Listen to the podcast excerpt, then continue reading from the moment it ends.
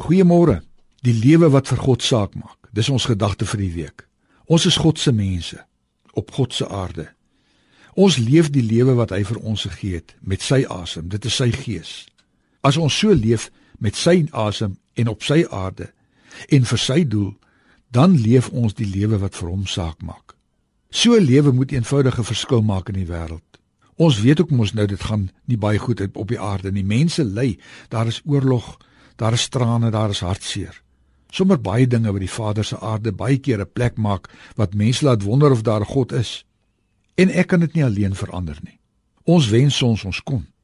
Dit lyk my ons taak in die lewe wat vir God saak maak is om net die stukkie wêreld om my iets van God te laat ervaar.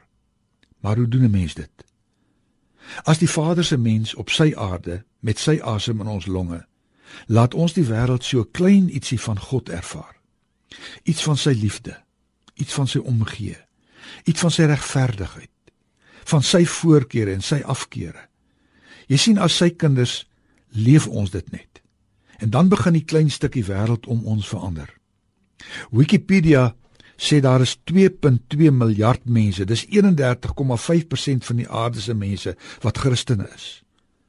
Stel jou nou voor, Al 2.2 miljard van ons leef vandag net vir 1 uur lank die lewe wat vir God saak maak. Dink net hoe God se wêreld dan gaan lyk. Maar nou sê Jesus om dit reg te kry is soos 'n nuwe geboorte. Hy sê in Johannes 3 vers 3 as iemand nie opnuut gebore word nie, kan hy of sy die koninkryk van God nie sien nie. Natuurlik beteken dit so iemand kan nie eendag hemel toe gaan nie. Maar nog belangriker, so iemand is nie in staat om op hierdie aarde en in hierdie aarde te sien wat God sien nie. Wanneer ek regtig in 'n nuwe verhouding met Jesus leef, met Jesus wat die lewe is, dan leef ek soos 'n nuwe geboorte.